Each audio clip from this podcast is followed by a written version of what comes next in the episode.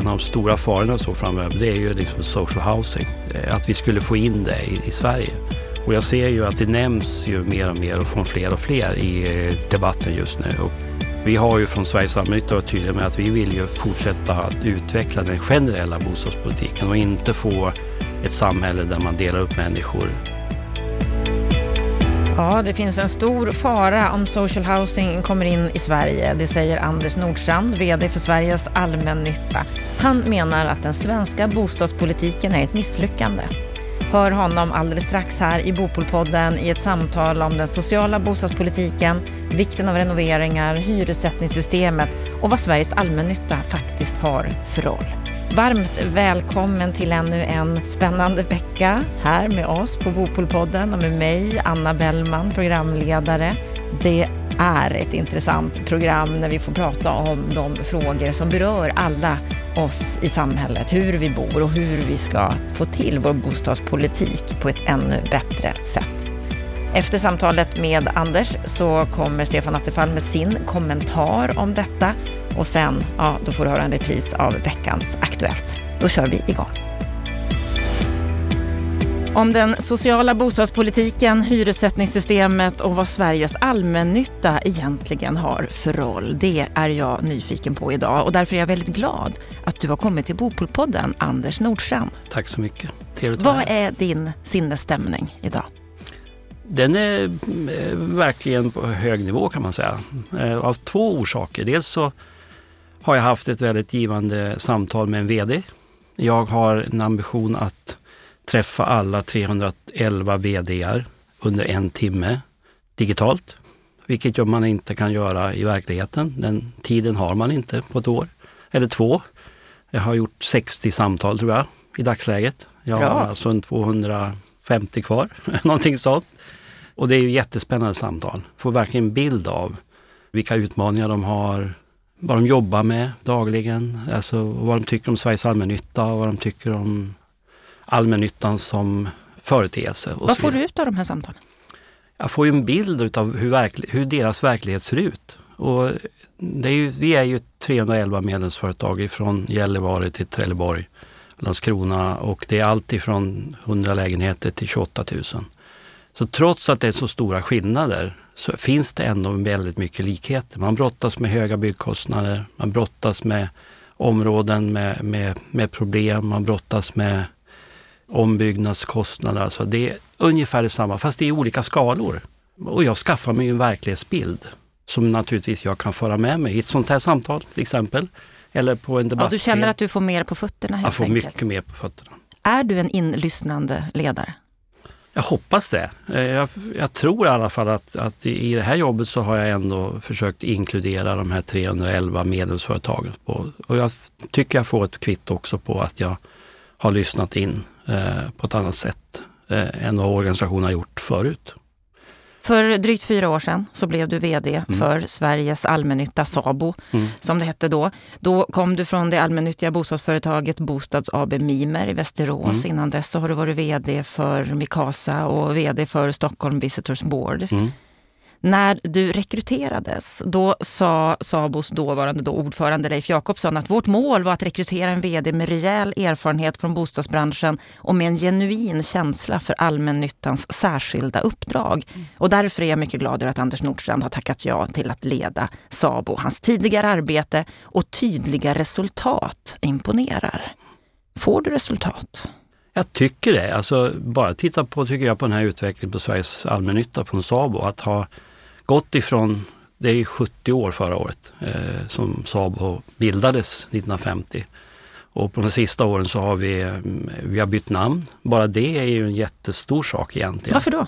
Därför att, eh, och just till Sveriges allmännytta, för allmännyttan, Sveriges allmännytta, eh, före allbolagen, alltså på någonstans där 2005-2006, då, då pratar man inte i våra skrifter så sa man bara kommunala bostadsbolag och inte allmännyttiga bostadsföretag. Och det svängde där, så att bara att byta från Sabo till Sveriges allmännytta var nog ett stort steg för väldigt många. Ehm, det är en sak. Det andra är ju att vi har tagit in privata bolag i vår medlemskrets, vilket också är väldigt stort. Nu ska man ju veta i och för sig om man kan historien då att både Riksbyggen och HSB var med och startade SABO 1950. Men det är en väldigt stort steg att vad, gå. Vad blir fördelarna? Fördelarna blir ju att vi blir en, en organisation som företräder fler. Alltså, det har ju kommit de sista tio åren också in nya bolag på hyresmarknaden. Mycket eh, finansierat via pensionskapital. Eh, och de har ju köpt en stor del utav, också utav allmännyttans eh, fastigheter. Men vi blir ju som organisation större. Vi har fler lägenheter idag eh, än tidigare. Vi är fler företrädare som pratar om hyresrätten och inte bara allmännyttan. Och som, som så att säga är, ser en positiv utveckling i hyresrätten. Och då klart, då blir vi också starkare i opinionsbildning. För det är ju en del utav vårt arbete, det är ju att vara en opinionsbildare. Vad är ert viktigaste uppdrag skulle du säga? Ja, vi har ju två tycker jag. Alltså dels är vi en branschorganisation och där vi hjälper medlemsföretagen. Och i många fall så är ju vi, när man tittar på de mindre bolagen, så är ju vi deras affärsutvecklingsavdelning, vi är deras eh, juridiska avdelning och vi är deras utbildningsverksamhet. Och allt det här gör ju vi med vägledningar, handledningar och det är liksom branschorganisationen. Eh, och sen är vi ju en opinionsbildande organisation. Vi är liksom en intresseorganisation och inte nu då, inte bara för de allmännyttiga bostadsföretagen, kommunalt ägda, utan också för i större utsträckning för hela hyresmarknaden. Och det är ju liksom, tycker jag, en, en, en viktig, viktig del för oss att vara där. När du tillträdde som VD så sa du att det absolut viktigaste just nu är att få fram bostäder som fler har råd med. Mm. Allmännyttan har en viktig roll som samhällsbyggare. Mm. Lyckas ni med den rollen? Det byggs ju fortfarande för lite. Men jag tycker, alltså för mig är ju liksom allmännyttan inte bara en bostadsfastighetsförvaltare utan vi är en samhällsbyggare. Och det var det jag också pekade på mycket när jag var i Västerås. Att vi tar ett, ett helhetsansvar. Vi är med och utvecklar en stad, en kommun, ett bostadsområde. Och då handlar det inte bara om att, att förvalta och bygga bostäder utan vi tar ett ansvar för de boende också på ett annat sätt. Eh, I Mimer så, så eh, hade vi en, bos, en arbetsförmedling. Vi jobbade mycket när det var flyktingvågen kom där 2015-16 så var vi väldigt engagerade i de frågorna. Eh, vi är engagerade på det sociala området överhuvudtaget mycket och det är de flesta i allmännyttan och gör det beroende naturligtvis på situationen lokalt. Men det tycker jag är ett av de, det är ju det häftiga att vara en VD i allmännyttan, att jobba för allmännyttan. Det är ju att vi inte bara liksom ser fastigheterna och huset utan vi ser hela samhället. Och det handlar ju bland annat om att vi är ju ägt av kommunen. Vi har ett väldigt nära samarbete med kommunen och det gör ju liksom att det här är faktiskt ett av de absolut bästa uppdrag man kan ha. Säger du med ett leende för Absolut. den som inte ser dig. Du är ju rekryterad för att du ska åstadkomma tydliga resultat. Mm. Vilka tydliga resultat kan vi vänta oss när du är VD? Ja, alltså, jag tycker vi har ju gjort en hel del, eh, förutom att vi har liksom moderniserat och förändrat organisationen till att liksom eh, bjuda in fler, att vara en del av den här allmännyttiga tanken. Och det hör jag ju från en del av de här privata företagen också. De går ju med hos oss, en del av dem har gått med, därför att de delar värderingarna som allmännyttan har. Och det är liksom det sociala ansvaret. Men sen har vi ju en hel del andra som jag tycker är en, har varit, det är två stora projekt som jag tycker att vi eh, åstadkommer mycket genom att vi samverkar. Det är eh, eh, klimatinitiativet där 184 bolag, 720 000 lägenheter nu är med och aktivt arbetar med att förbättra miljön. Det är den ena stora saken. Det tycker jag är ett tydligt resultat och ett stort engagemang. Digitaliseringsinitiativet är ett annat sådant stort projekt vi har som är hundra bolag som är med i därför att vi måste liksom kickstarta digitaliseringen i, i, våra, i våra medlemsföretag, i samhället överlag. Dels erbjuda hyresgästerna en annan digital plattform men också våra egna fastighetssystem. Det är två konkreta. Och den som har då med det här med, med miljön att göra så har ju ni har antagit ett väldigt ambitiöst klimatmål mm, kan mm. man ju säga. Bli fossilfria senast 2030. Mm. Att minska energianvändningen med 30 procent. Mm till 2030. Mm. Hur ska det gå till? Det, går till på, alltså, det finns en grund i allmännyttan och det är att man eh, håller aldrig någonting hemligt. Alltså vi har inga affärshemligheter. Vi är, medlemsföretagen är stolta över att berätta vad man lyckas med och det är en av framgångarna i det här arbetet. Det är att vi, vi eh, bjuder in bolagen att berätta om vad de lyckas med. Ibland också vad de misslyckas med, för det är också lika viktigt ibland. Så det är ju en stor del. Och sen är det ju att vi jobbar ihop med Energimyndigheten, vi jobbar ihop med, med andra för att alltså, ta fram underlag, vägledningar, hur man bygger miljövänligt och så vidare. Och det där jobbar vi med ganska intensivt. Men framförallt så lär ju bolagen utav eh, varandra. Det är en av de absolut bästa sätten att förmedla information. Och eh, vi gjorde Skåneinitiativet fram till 2016 och där, från 2005 till 2016, eller 6, 10, 10 år, där lyckades vi ändå sänka med 17 procent totalt sett. Eh, och nu är den här frågan också så väldigt aktuell, högaktuellt eh, på alla områden så att säga. Va? de senaste åren och jag känner ju att här har vi ju, det finns ett sådant engagemang i våra medarbetare ute på alla nivåer, från VD och neråt. Och det är väl tror jag det som också en väldigt viktig del i det här att det här är ingenting som, som det här har liksom eh, varje, av, varje underskrift och överenskommelse som har gjort med oss från bolagen, det är liksom VD och ordförande. Det är taget i styrelserummet. Och genom att det är taget på den nivån och man har engagerat sig på den nivån, då lyckas man också. Och det är ju en del bolag som redan har lyckats till att bli eh, eh, fossilfria långt före 2030.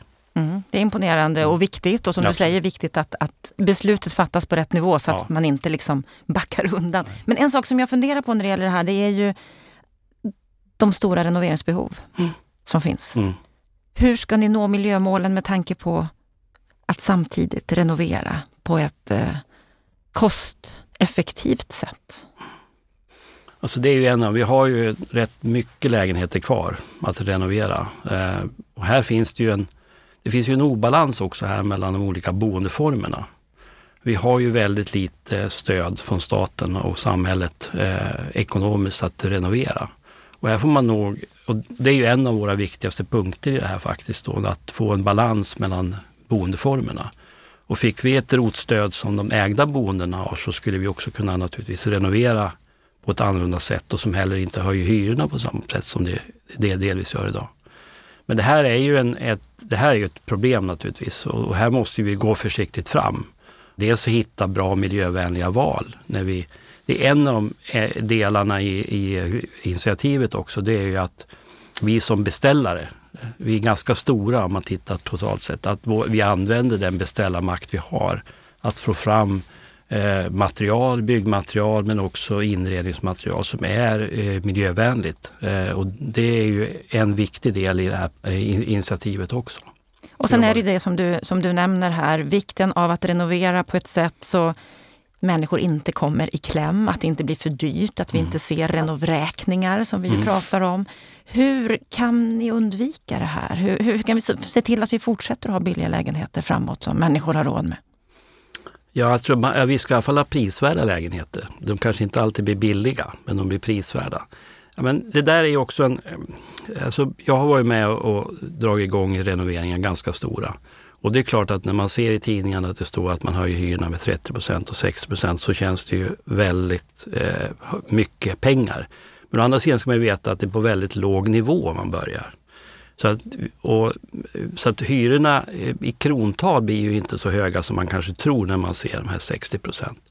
Det vi också gör och gör alla bostadsbolag, det är ju, och som jag också var med och, och fattade beslut om, det är ju att vi höjer hyrorna under ganska lång period, upp till sex år. Det blir lite höjning varje det år? Det blir lite höjning varje år, eh, utöver den normala höjningen så att säga. Så man trappar ju in hyrorna eh, under många, många år, under många år, alltså mellan tre och sex år. Min erfarenhet är också att eh, många gör ju också, eh, eh, man kan välja mellan hur mycket renoveringar man, man vill ha.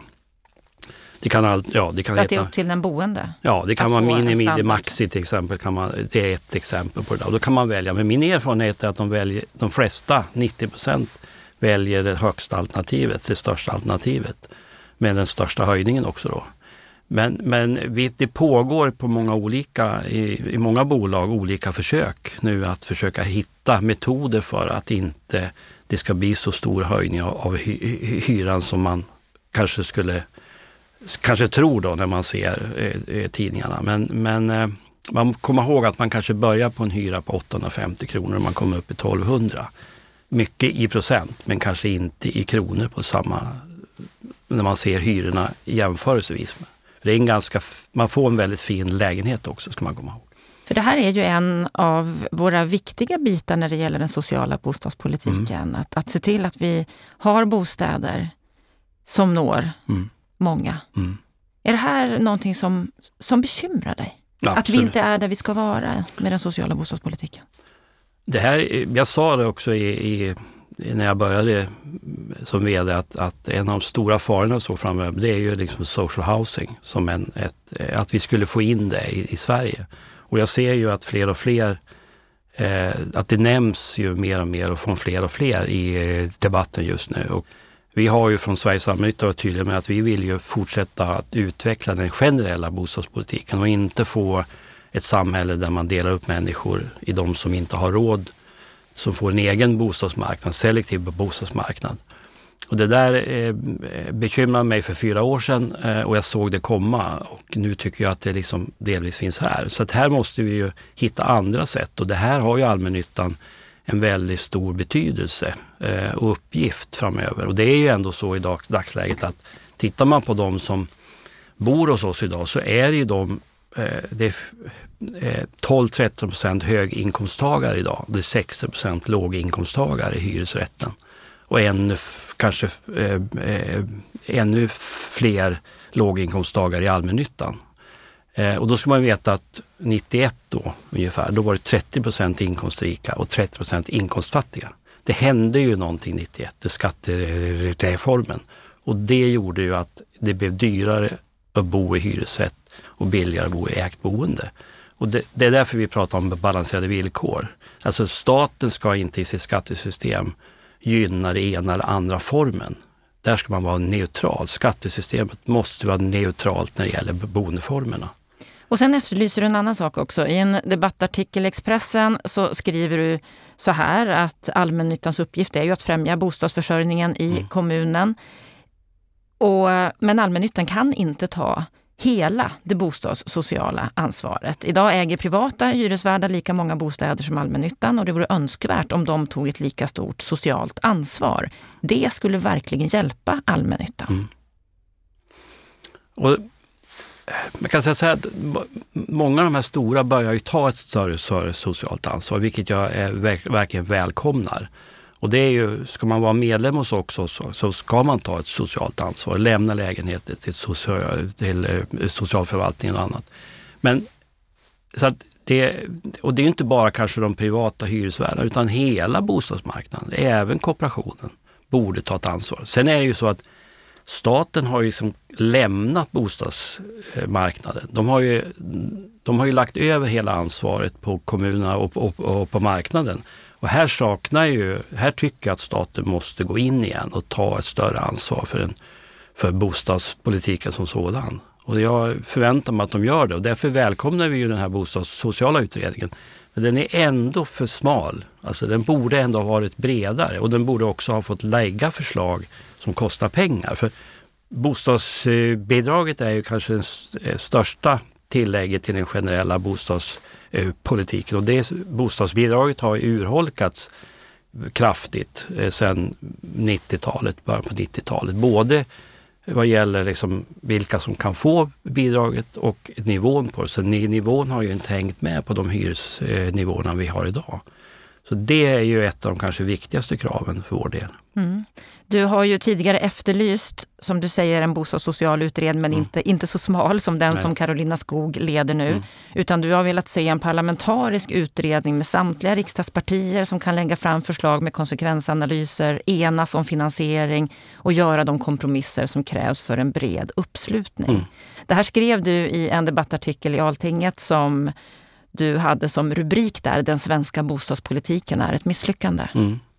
Är det så illa att den är ett misslyckande, den svenska bostadspolitiken?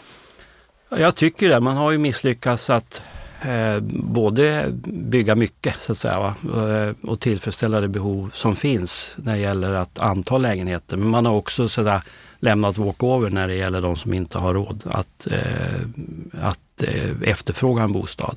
Så den här generella bostadspolitiken och det som är allmännyttan är att, att vi ska eh, bygga för alla så att säga. Va? Eh, och att alla människor kan efterfråga alla typer av lägenheter eller boende. Den, där tycker jag att man har misslyckats. Absolut. Men ska alla människor kunna efterlysa eller efterfråga alla typer av boenden? Det, det är klart att det är, det är skillnader så att säga. Men, man ska men är det ens ha, önskvärt? Man ska ändå ha chansen i alla fall att efterfråga. Sen gör jag mitt val om jag vill bo på landet eller vill bo i stan eller så. Men man ska, i alla fall ska inte skattesystemet och staten gynna det ena och andra. Där måste man vara neutral. Men tror du att den här utredningen nu då som Carolina Skog, som du säger, du välkomnar den även om mm. den är för smal. Kan den leda i rätt riktning? Eller är den för smal för det? Eftersom du vill se ett så mycket större grepp, tänker jag. Ja, alltså, jag tror att det är viktigt. Alltså, det här är ju så långsiktiga frågor, så jag, därför jag tycker att det är viktigt att det finns en, en, en bred överenskommelse. Och det fanns ju när man tog allbolagen till exempel, så fanns det ju, det var alla partier ense om att inte införa social housing, in, att behålla den generella bostadspolitiken och att behålla så att säga, allmännyttan som, som den ändå startade som, så att säga, en, en, en, eh, där vi ska bygga bostäder för alla. Och, och, det, jag tror att ska, det vara, ska vi klara av det utan att det blir liksom skiften vart fjärde år och man förändrar liksom regelsystemet vart fjärde år, då måste man hitta en, en, en blocköverskridande överenskommelse som är bred. Då. Eh, och det gäller ju andra områden också, men det här är ju ett sådant område där jag tycker att vi måste nå dit. Och därför så är det ju för, många av de här utredningarna är alldeles för korta. Man hinner inte göra de här konsekvensbeskrivningarna som man behöver göra. Man hinner inte grotta ner sig som man skulle behöva göra. Alltså för de här som fanns på 40, 30 och 40-talet, de höll ju på i, i åratal. Så att säga. Och så länge kanske vi inte behöver hålla på. Men jag tror att det här är saker man måste di diskutera ordentligt. Mm, ta ett större grepp ja. efterlyser du. Nu har vi fått en ny bostadsminister, du har uttalat det väldigt positivt om mm. Märta Stenevi. Mm. När hon tillträdde, hon har ju bara ett och ett halvt år innan det är val. Mm. Kommer det att kunna hända någonting på rikspolitiken på den här tiden tror du? Ja, det är ju de utredningar som är igång. Eh, en del ska ju lämna, en del har lämnats, en del kommer lämna här i vår. Eh, den om fri hyressättning kommer ju här i maj till exempel. Så det är väl frågan om Eh, de här januaripartierna hinner komma överens och det ska remissbehandlas och så. Så att jag det, det, det, är, det är nog väldigt kort om tid för att man, ska, men eh, att man ska hinna förändra någonting. Däremot så är det ju positivt att hon har en bakgrund i kommunalpolitiken för det är ju där ändå bostadsfrågan ligger idag. Eh, det är där man ser problemen, det är där man ser möjligheten. Så utifrån den erfarenhet hon har så välkomnar jag att hon har den rollen. Det du också har lyft vid ett flertal tillfällen, det är det här med, med kommunernas ansvar, precis mm. som du poängterar här, att det är viktigt, det är bra att vår nya bostadsminister har sin, sin grund i, i den kommunala politiken. Och du lyfter det här med kommunernas bostadsförsörjningsansvar och att nästan alla kommuner också har ett eget allmännyttigt bostadsföretag mm. som spelar en viktig roll för bostadsförsörjningen. Men en översyn behöver göras av kommunernas verktyg. Är de tillräckligt effektiva? Utifrån en erfarenhet jag har så, så eh, det är väl så att man saknar ibland en del, alltså det är snabbheten. Eh, att få fram planer ordentligt. Eh, eh, man saknar väl en del också att kunskapen om vad det kostar att bygga. Alltså, och det är ju inte säkert verktyget då, men, men eh, det är ju så att man ställer ganska höga krav eh, på de som ska bygga bostäder. Och här tror jag inte man riktigt alltid förstår att alla kraven också kostar mycket pengar. Så att eh, jag tror att, eh, och därför är det viktigt tror jag att man hittar ett större samarbete mellan eh, allmännyttan, framförallt deras eget verktyg. Eh, som jag ibland tycker att de glömmer bort, att de faktiskt har ett, ett verktyg i sitt allmännyttiga bostadsföretag. Eh, och att man har en, en eh, långsiktighet i sin planering. Så det finns ju mer att göra tycker jag. Plus också att även deras eh, eh avgifter som de lägger på oss i olika former också pressar upp eh, hyran. Det måste man se att det finns en, en Ett samband, där, samband mellan vilka kostnader vi har. Ja, du pratar ofta om att vikten av att få ner byggpriserna, att mm. pressa byggpriserna. Mm. Hur ska ni göra det? Ja, vi har ju varit med och pressat byggpriserna. Kombohusen är ju ett sådant exempel som ungefär tio år gammalt. Där vi började för tio år sedan och vi byggt 9 500 lägenheter i, i, i kombohusen runt om i landet. Och de 1400 av dem hade liksom inte kommit till, har vi konstaterat, 12-1400. Men vi har också byggt på platser som man annars inte skulle kunna byggt på. De är 20-25 procent lägre kostnad att bygga ett kombohus. Och det är ett industrialiserat byggande. Och det, anledningen att det kom till var ju att vi såg ju att vi fick inga anbud. En till två anbud och så var det när jag var i Västerås också mellan 2013 och 2016.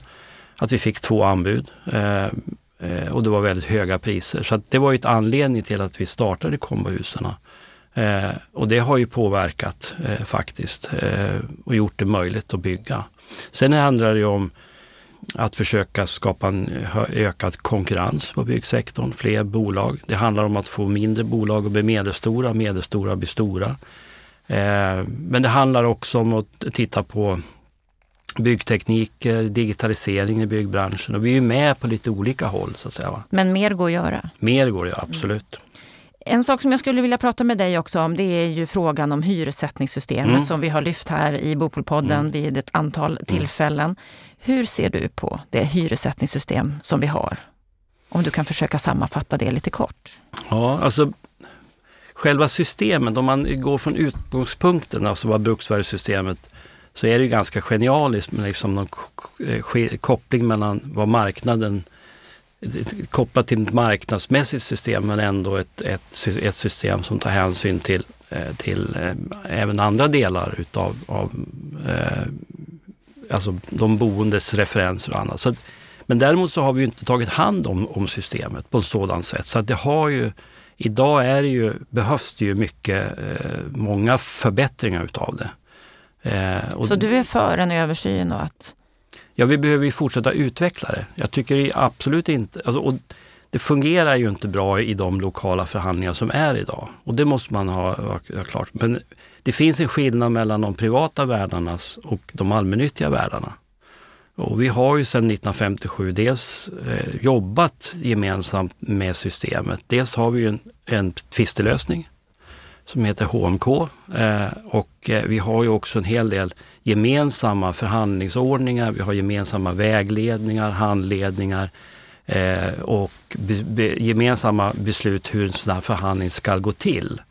Eh, och vi har ju utvecklat det under åren. Nu har vi också oberoende ordförande så vi har en det. Så att, däremot därmed är det inte sagt att det fungerar bra. Och, och det stora Vilka fler utvecklingar skulle du vilja se? Då? Ja, så det viktigaste är ju eh, faktiskt att komma överens om grunderna för eh, varför man ska höja hyran överhuvudtaget eller förändra hyran överhuvudtaget. Och det innebär att vi eh, har så väldigt olika ingångar när man kommer till förhandlingsbordet. Eh, Hyresgästföreningen i år pratar om pandemin. Vi tycker pandemin inte har någonting med det att göra överhuvudtaget utan vi pratar om våra kostnadsökningar bland annat eller de generella ökningarna. Så, så att det är där vi inte möts idag. Vi, har liksom in, vi går inte in i de här diskussionerna med samma underlag utan vi går med helt, helt skilda underlag. Mm, och här har vi kunnat följa dig och Marie Linder på Hyresgästföreningen mm. i lite debattartiklar mm. er emellan där eh, du menar att politikerna ska lämnas utanför. Mm. Hon menar att vi måste visst ta med dem med tanke på pandemiläget mm. så behöver vi gå varsamt fram i förhandlingarna. Och det är viktigt att politikerna får reda på vad invånarna faktiskt tycker om de beslut som fattas och hur levnadsvillkoren påverkas. Mm. Varför är det inte viktigt att politikerna får vara en del av det här tycker du? Nej, jag tycker inte att staten eller politikerna ska överhuvudtaget vara inne i hyresförhandlingarna. Det är liksom, det måste parterna, alla tre parter, vara tillräckligt vuxna i rummet och ta det ansvaret som man har. På samma sätt som det finns på löne, eh, arbetsmarknaden. Att, vi tar, att de tar ett ansvar för att det är parterna som hanterar de här frågorna. Och det är också så att jag tror inte jag har pratat med någon VD där eh, hyresförlusterna har ökat. Eh, så det är inte så att de som bor i allmännyttan och hyresrätten har svårare att betala hyran. Utan det ligger på samma, där finns det andra system. Det är inte allmännyttan eller hyresvärden som ska vara en, en, den sociala instansen och hjälpa dem. Utan där, måste, där är det socialtjänsten, det är eh, försörjningsstöd, det är bostadsbidrag, det är arbetslöshetskassan. Alltså det är de systemen som måste ta det, inte vi som fastighetsägare. det här finns det ju en ordning mellan parterna och det är den ordning man måste upprätthålla. Sen kan ju var och en part ha och försöka bilda opinion för, för förändringar av bostadsbidraget, förändringar av försörjningsstödet eh, och så vidare. Och det är en annan fråga, men vid förhandlingsbordet, där hör inte de frågorna hemma. Vi har ju en utredning om fri hyressättning i nyproduktion. Mm som eh, många välkomnar, bland annat fastighetsägarna, för de menar att det ger förutsättningar för, ett långsiktigt, för att långsiktigt öka byggandet av hyresgäster och det ger utrymme för en bättre fungerande bostadsmarknad. Men vad jag förstår så är ju både du och Sveriges allmännytta ni kritiska till det här. Ja, alltså argumentet för att införa fri hyressättning är att, man, att det ska byggas mer. Och då kan man säga att ja, det vi ser så kommer det inte byggas särskilt mycket. Och överhuvudtaget och på vissa håll så kanske det är ju, ligger ju hyresnivåerna i en ny nyproduktion idag på det man kan kalla för marknadshyror. Man kan inte ta ut mer. Men det som också irriterar mig i den här diskussionen det är ju att det är så väldigt mycket Stockholmsfixerat. Vi har ju, eh, vi har ju medlemsföretag i Vilhelmina och Piteå och Gällivare och så. Och där, finns, där kommer det inte byggas mer på grund av det här. här där man ligger på max och kanske ligger över det. Så där kanske till och med marknadshyran i vissa fall är lägre än den hyresnivå du tar ut idag på, när det gäller presumtionshyra. Och vad händer då så att säga? När du får en, en måste eventuellt sänka, om du skulle hamna i en situation att liksom, hyran är lägre, ja, då får du ett lägre fastighetsvärden också. Så att det, kan, det där är ju, eh, alltså, och det är det som gör att en hel del av de här diskussionerna som, som förs idag kring det här, det, det förs utifrån ett kan jag tycka ett perspektiv inom tullarna i Stockholm. Eh, och det perspektivet tycker jag att inte, att inte vi kan ha. Jag måste ha ett Sverigeperspektiv. verkligheten ser väldigt olika ut i, eh, i vårt land och det, då måste man i sådana här frågor när man ska liksom göra en utredning som ska handla om att ändra ett system för hela landet, då måste man också titta på he, he, hela landet. Och det är därför jag är rädd för att man inte hinner göra de konsekvens utredningar som man skulle behöva göra eftersom den ska läggas fram i maj redan. Lite för kortsiktigt tänkt? Jag tycker det är kortsiktigt tänkt, ja. Absolut. Och man, och man tar inte hänsyn till landet, man tar hänsyn till Stockholm. Och det tycker jag en, en och det lyser igenom lite varstans ska jag säga. Vad skulle du vilja se? Jag skulle vilja se, dels skulle jag vilja se att parterna, de tre parterna kan komma överens i, i avgörande frågor. Eh, och jag skulle vilja se att man tittade på bostadsmarknaden för hela landet och framförallt att partierna kan komma överens om en långsiktig bostadspolitik och framförallt en social bostadspolitik. Är det ens möjligt eller är det bara en utopi att tro att de kan komma överens? Jag är väldigt optimistisk lagd. Eh, jag tror att om man satt sig ner och man liksom eh, släppte på, på en del av, av Eh, de ideologiska eh, hindren så att säga, ideologiska, eh, så skulle man nog kunna hitta någonting som är långsiktigt. För att jag ser ju också när man pratar med, med, med partier ute eh, och bos, styrelseledamöter ute i landet så är man ju väldigt överens från höger till vänster om allmännyttans betydelse. Eh, oavsett om man är, ja, vilket parti man nu tillhör, så värnar man sin allmännytta.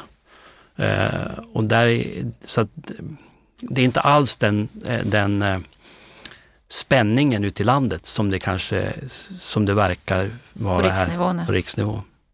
Och jag tror att det här, det, där, därför spelar också allmännyttan en väldigt viktig roll som jag, börj, som jag pratade om från början, att vi är en samhällsbyggare. Vi är inte bara en fastighetsägare. Och det tycker jag, det är som jag sa, det, det gör också mitt jobb mycket roligare mycket mer spännande. Mycket mer viktigare. Då får jag önska dig lycka till, för du, du ska väl vara kvar ett tag till? Va? Det tänkte jag göra. Ja, för du, du är ju rekryterad som sagt för att verkligen åstadkomma tydliga resultat. Och det krävs ju om vi ska ha en social bostadsmarknad som fungerar. Mm, Stort tack för att du gästade Bopolpodden, Anders Nordstrand. Tack så mycket.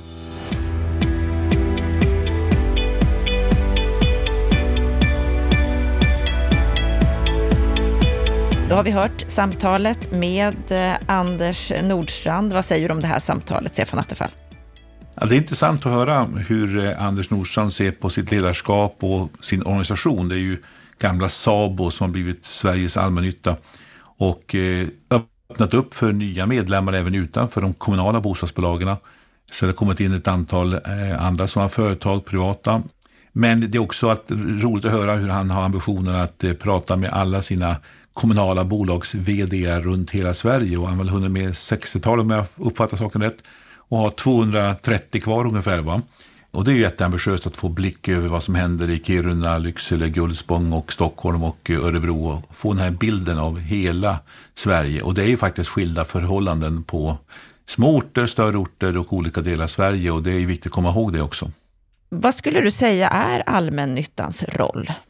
Jag tycker att han, ett är att vara branschorganisation som man säger. Jag tycker att det här med att ta fram de här kombohusen, alltså standardiserade hus som man kan avropa, man slipper hålla på med egen upp, offentlig upphandling, allt är klappat och klart. Det här har ju hjälpt jättemånga, inte minst mindre bolag och vad är det, 9500 lägenheter har ju byggts eh, som är ungefär 20-25 procent billigare än, än vad man platsbygger husen.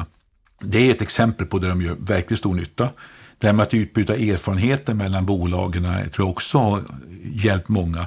I och med att man inte konkurrerar med varandra och finns på olika geografiska platser rent fysiskt så kan man ofta jämföra siffror, eh, alla möjliga siffror. Och det här har, har hjälpt många bolag att gör, skapa bra jämförelsetal och liknande saker.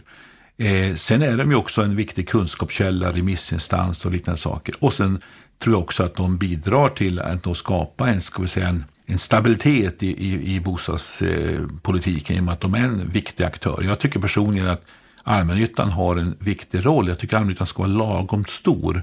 I vissa kommuner är den för stor, blir för dominant och vissa kommuner kanske inte finns alls.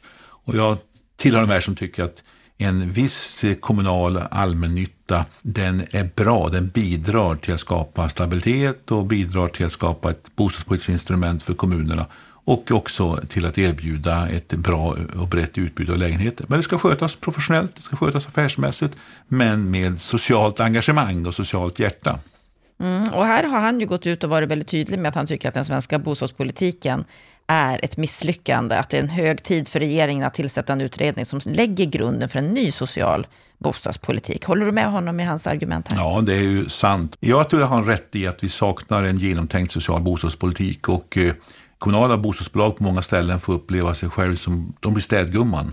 Alltså när politiken har misslyckats får de ta hand om alla problemen och då blir också det nackdelen att då blir också allmännyttan på något sätt liksom B-bostadsformen. Alltså det blir de som bara har problemhushållen.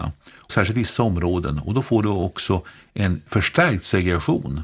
Istället för att allmännyttan innehåller alla typer av bostäder, alla typer av människor.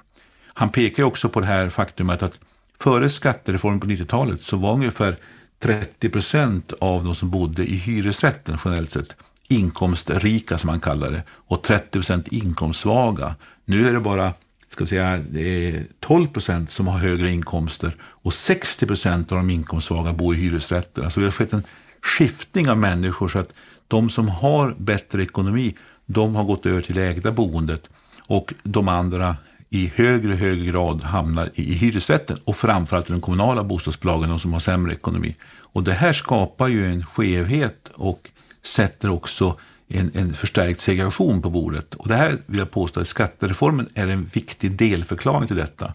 Eh, när du förändrade relativpriserna och du förändrade spelreglerna för, för bostadspolitiken genom att göra en skattereform där man inte förstod konsekvenserna fullt ut.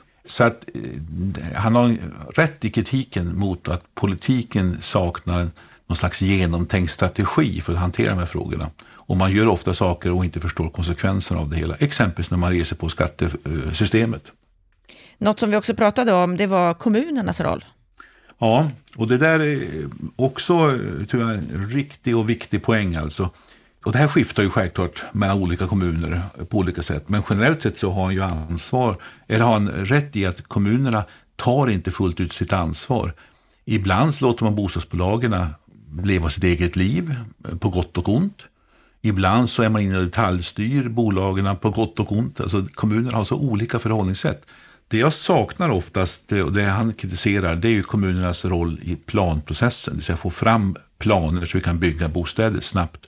Han pekar också mycket riktigt på att alla kommunala krav, det kan vara alltid från tjänstemän och, och politiker som hittar på olika saker, att det kostar pengar i form av högre hyror.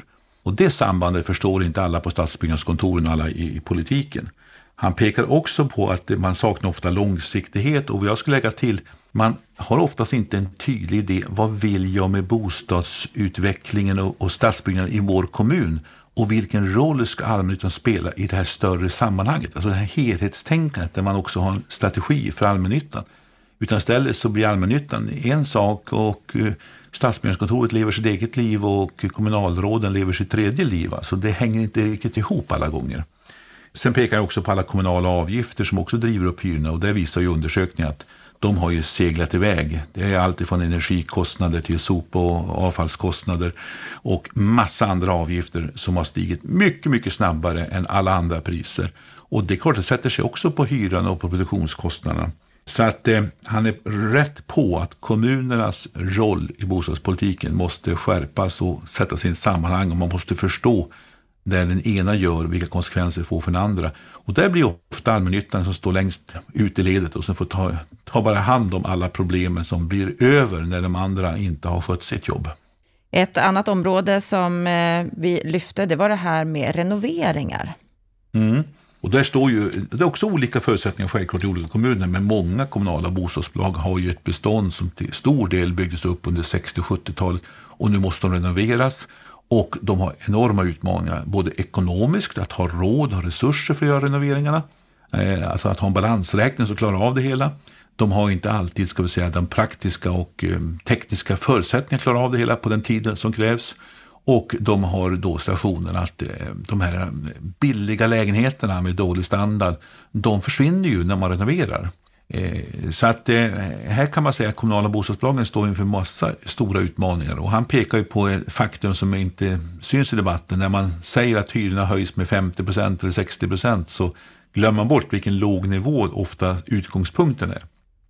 Det intressanta också när han, här är ju många kommunala bostadsbolag duktiga på att ge olika alternativ till upprustning, alltså mini och maxi och någonting mittemellan. Eh, så man ger tre nivåer och då säger han också att 90 procent väljer ofta den högsta nivån på renoveringar. Det vill säga man vill ha den bästa standarden. Och det är också ganska intressant den här diskussionen att det är faktiskt så. Eh, men det finns många sätt och likaså intrappningshyror och liknande saker att försöka hjälpa till att underlätta det här. Men jag skulle säga så här, det här, det här är någonting som är oundvikligt att vi måste lyfta vårt bestånd. Och vi kommer att få färre billiga lägenheter därför att vi måste renovera de här stora bestånden på 60-70-talet och vi håller på att göra detta. Och, och där pekar jag också på att men det kan ju inte enbart ligga på kommunala fastighetsbolagen att lösa det problemet. Utan här pekar han på bostadsbidragen som har urholkats. Han pekar på bristen på centralpolitiska eh, ska säga, hjälpmedel för detta. Och då kan man diskutera vilka det ska vara. Allmännyttan pratar mycket om balanserade villkor, skattevillkor och liknande saker. Man kan diskutera en del saker, men de har en del bra förslag. Bland annat en momsreform eh, som jag tror är, vore riktig, att man har en låg utgående moms på hyror, då kan man dra av ingående moms. Det skulle förbilliga renoveringar och nyproduktion, vilket är de stora problemen vi har. Och lägga lite högre kostnader på den ska säga, som inte behöver någon, någon omsorg om man säger så.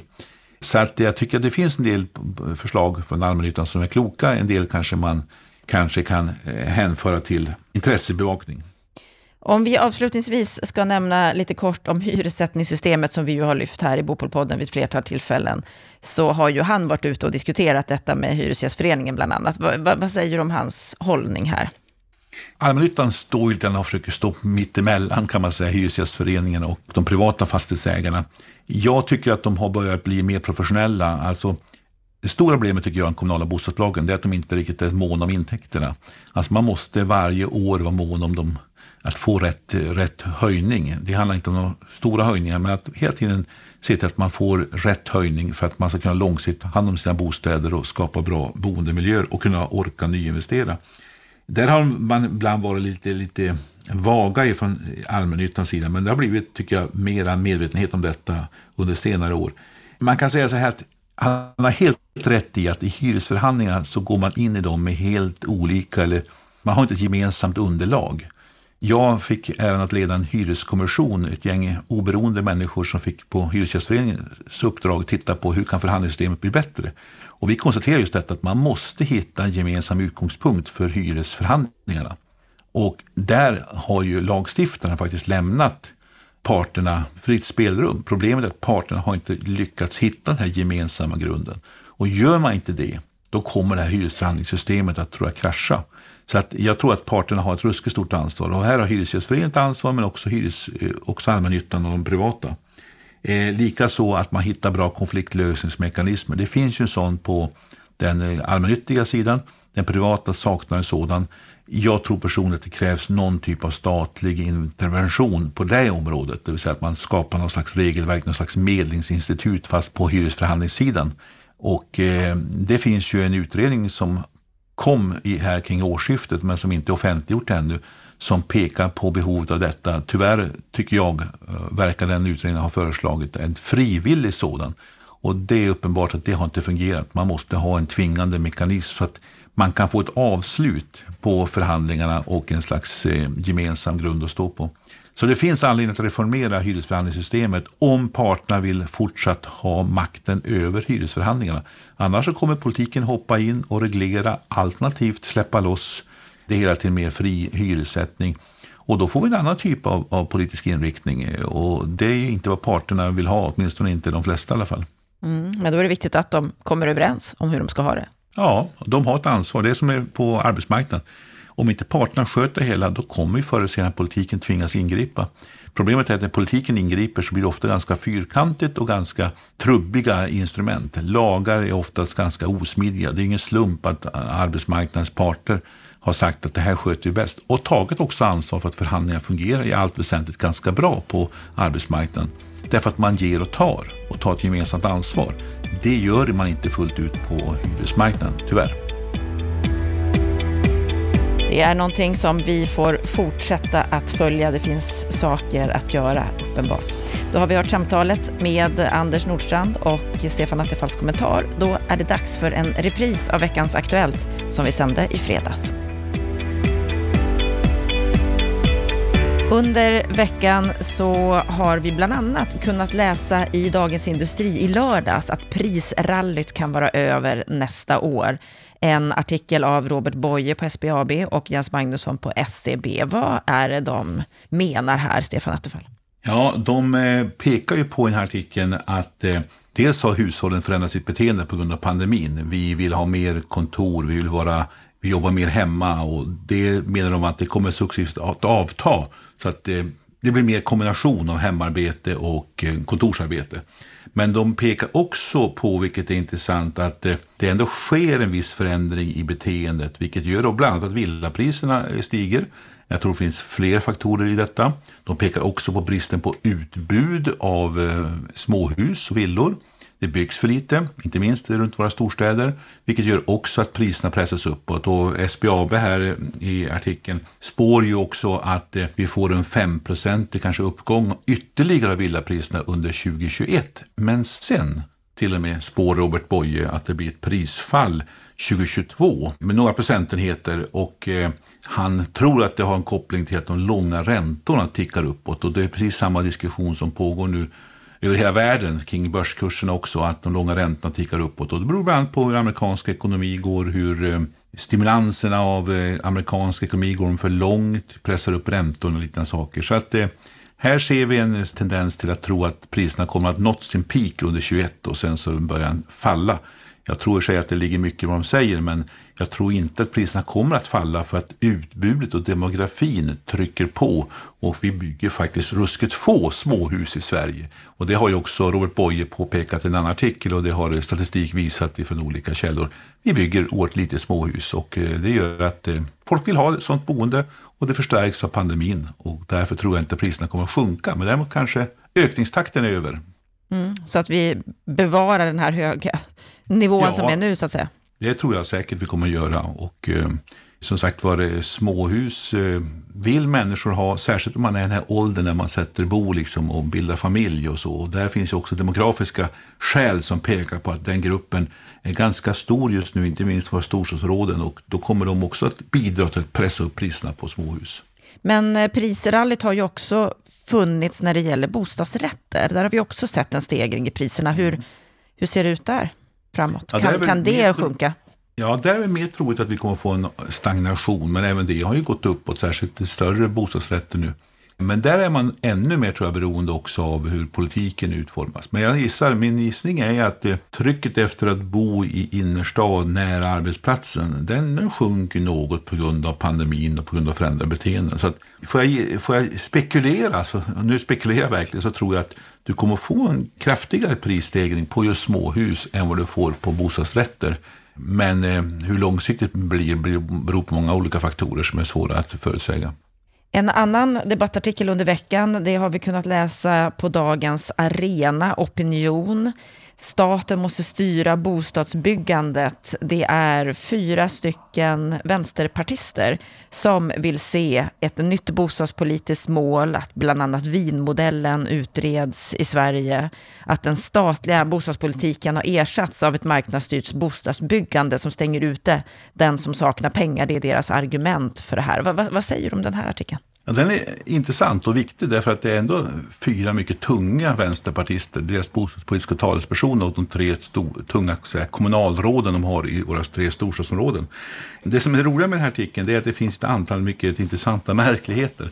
Och det här säger väl någonting kanske om den världsbild som vänsterpartisterna har. Va?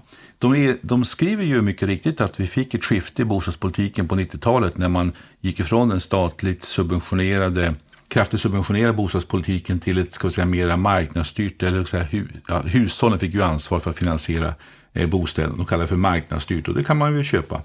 Men det intressanta är att de framställer det här epokskiftet som ungefär att då gick vi från att bostaden var social rättighet, att var det, sen blev det bostaden investeringsobjekt. Men tittar man på 70-talet exempelvis, de som köpte hus på 70-talet, de gynnades av subventioner, de gynnades av en hög inflation, höga ränteavdrag och vi hade höga marginalskatter som gjorde att de här ränteavdragen blev oerhört ekonomiskt värdefulla. Och de fick ju enorm resa i sin förmögenhetstillväxt som de kan casha in kanske på 90-talet. Och jag talar inte minst om 40-talistgenerationen. Så att eh, snacka om att det fanns spekulation i boendet kan man säga redan på 70-talet. När det var gyllene tider enligt vänsterpartisterna. Sen ger de sig på de riskkapitalbolagsägda fastighetsbolagen som köper upp hyresfastigheter, renoverar lägenheterna och höjer hyrorna kraftigt och tvingar ut människor så kallad renovräkning. Och det är precis fel.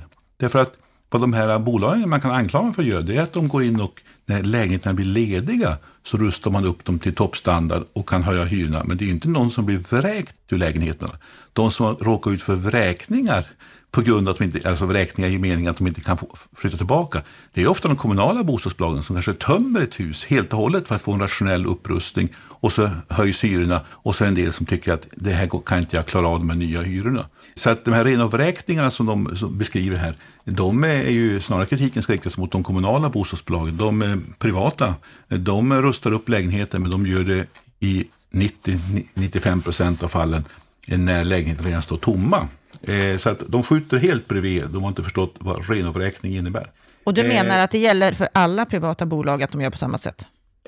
Jag sa 90 procent, alltså alla med stora, alla eh, ska vi säga, de vet om vilket problem det är att försöka tömma en fastighet. Och det är inte det som ekonomiskt eh, alltid är försvarbart, utan man, man helt enkelt gör det när lägenheten är tomma kritiken man kan rikta mot de bolagen det är att när de gör det för konsekvent så blir det ju bara topprenoverade lägenheter kvar i ett område exempelvis. Och då blir det ju inga bostäder kvar för människor med lägre inkomster. Men gör man det måttligt då får man en blandning av människor i husen. De som har lite bättre ekonomi och de som kanske behöver en lägre hyra. Så att det, det, här med att man vräker ut folk ur huset och så, så renoverar man det och så säger man flytta tillbaka och så har hyrorna höjts med 60 procent. Det har jag bara sett den senare tiden från kommunala bostadsbolag faktiskt. Mm. Ja, sen är de inne på, så ojar de sig över att borgerliga debattörer säger de, pratar om social housing. Och det är ju jättehemskt. Men så föreslår de att vi ska utreda vinmodellen. Och vinmodellen är en del av det europeiska social housing-systemet. I och för sig ska man säga att i Wien så är gränsen för att få komma åt de här social housing-bostäderna med subventionerade hyror, den är ganska generös. Så det omfattar många. Men så är det också i Frankrike och i många andra länder. Så att social housing-begreppet är ju allt ifrån det värsta vi kan vara med om och se runt om i världen till det ganska likt det svenska systemet. Så att det finns en gråskala här. Men de ojar sig över social housing och så föreslår de faktiskt en social housing-modell. Det är ganska intressant. Det sista punkten som är också lite rolig att notera det är att de skriver att markpolitiken, att kommunerna använder markpolitiken för att sälja mark till högstbjudande snarare än att styra mot byggande av hyresrätter med hyror som alla kommuninvånare har råd att betala. Ja, det intressanta är väl att eh, vänsterpartisterna har väl varit med och, och genomfört eh, Norra Djurgårdsstaden-projektet där det verkligen är höga markpriser. Man bygger en hel stadsdel med 12 000 kanske invånare, lägen, lägen, jag tror det snackas om 10 000 lägenheter kanske. Och ingen där har ju hyresnivåer som är rimliga för vanliga människor. Och det är ju så att eh, om du säljer marken till exempel till en småhustillverkare eller till en bostadsrättsproducent och inte tar ut marknadspris, då kommer ju du bara skänka den ska säga, värdeutrymmet till den som köper första huset. Alltså då subventionerar ju människor. Och kommunerna har ju instrument med tomträtt och liknande saker som man kan använda, vilket man också gör till kommunala exempelvis ja, hyresrättsbyggande överhuvudtaget. Så att jag skulle säga så här, de skjuter ganska brett och skjuter ganska snett och har inte alltid ordning på begreppen. Men eh, det låter bra i retoriken att eh, oja sig över marknaden när man själv kanske också delvis har varit med och skapat den där marknaden som ibland blir ganska osund. Men finns det någon poäng i det de menar att vinmodellen skulle kunna vara en bra väg framåt för Sverige? Eh, vi gjorde ju en liten så här överslagskalkyl i en rapport som Veidekke gav ut eh, för ett par år sedan och konstaterade att skulle man genomföra vinmodellen med de hyresnivåer man pratar om i det sammanhanget så skulle det kosta statskassan kanske en 30-40 miljarder kronor.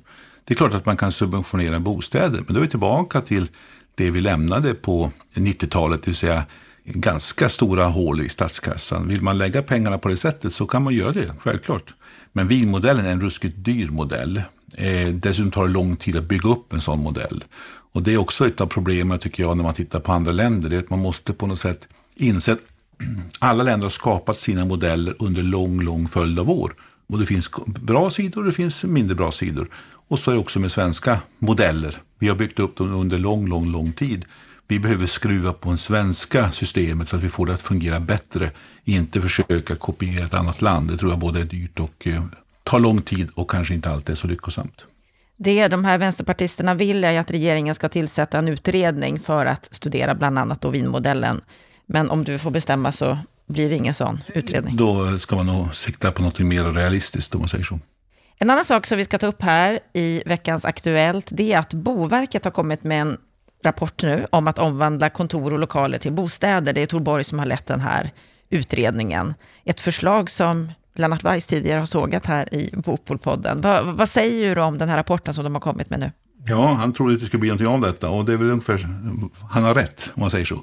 De har ju gått igenom ett antal saker. Eh, eh, finns några hinder i plan och bygglagen för att man ska kunna omvandla exempelvis kontor eller eh, andra typer av lokaler till bostäder. Och då skriver de att ja, ibland kan detaljplanen, där står ju oftast vilket ändamål det är och står det att det ska vara kontor och, och liknande saker, då går det inte att ha det till bostäder. Då måste man ändra detaljplanen, det tar ruskigt lång tid.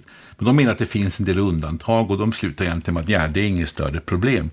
Tycker sig att de, de kanske är lite väl lama där. Eh, sen pratar de om utformnings och tekniska egenskapskrav, det vill säga renovera just den här då fastigheter och då hamnar du kanske att du måste ha nyproduktionskraven som eh, man har i, i, BBR. Och eh, det där säger de att det finns också undantagsmöjligheter och avstegsmöjligheter från detta och ser inte heller det som ett stort problem. Ett problem de pekar på det är ju att många sådana här kontorslokaler och andra typer av lokaler som är för andra ändamål har ju ofta ett djup och kanske mörkt längst in. Och bostäder får inte ha så mörkt. Så att den typen av problem. Och det är klart att det är huskonstruktionen vilket gör det ganska svårt. Sen pekar de faktiskt på en mycket viktig sak också. Det är att momsreglerna är ju i regel olika mellan om du gör det till bostäder där du inte kan ta ut moms på hyran kontra affärslokaler, kontor eller andra typer av lokaler. Då har du momsbelagda hyror och då får du också dra av momsen. Och det innebär ju att fastigheten kan hamna i massa momstrassel. Och det här är ju ett exempel på varför vi måste göra om momssystemet tycker jag, eh, som berör fastigheter. Och det pekar de på mycket riktigt, det kan skapa mycket trassel.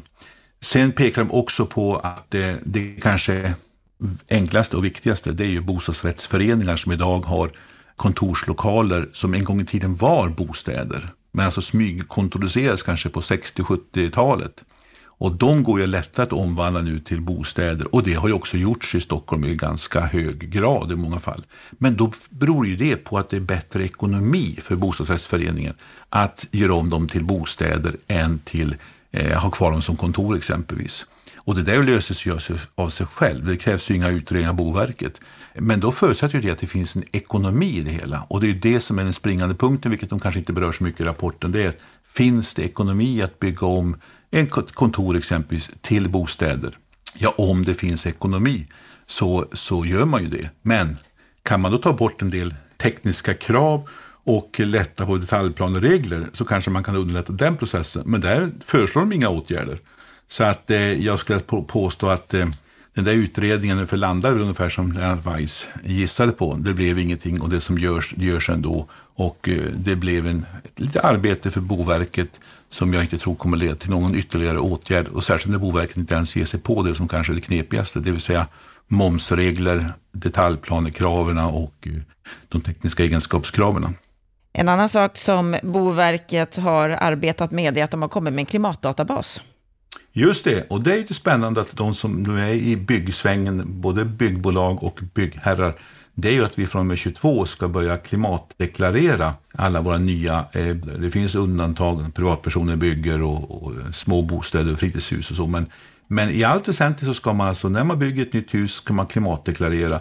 Och som hjälp för detta så ska man ha en klimatdatabas som Boverket lanserar nu, en testversion av. Och det är ett eh, spännande arbete som jag vill uppmärksamma er på. Så gå in gärna på Boverkets hemsida och läs om deras nya klimatdatabas och använd den och ge synpunkter. För det här är någonting som kommer att bli stort i branschen. Det kommer att bli både lagkrav men också ett sökande efter att hitta de bästa formerna. Och sen kommer vi få, förhoppningsvis så småningom, bra verktyg för att jämföra och få en diskussion om hur en byggnads klimatavtryck är, inte bara när den står färdig utan också när den byggs och produceras. Och då handlar det om materialval, det handlar om logistik, det handlar om produktionsteknik och det handlar om hur man jobbar med hela husproduktionen från ax till limpa. Ja, då har vi hört eh, veckans Aktuellt-reprisen och vi har också hört ett program med Anders Nordstrand, VD på Sveriges Allmännytta och Stefan Attefalls kommentar på det. Är det så att du vill komma i kontakt med oss på Bopolpodden, då kan du mejla oss på podd.bostadspolitik.se och är det så att du vill förkovra dig, ja, då går du in på sajten bostadspolitik.se där det finns många artiklar och olika typer av rapporter och annat som är intressant att förkovra sig i. Med detta så önskar jag dig en riktigt trevlig vecka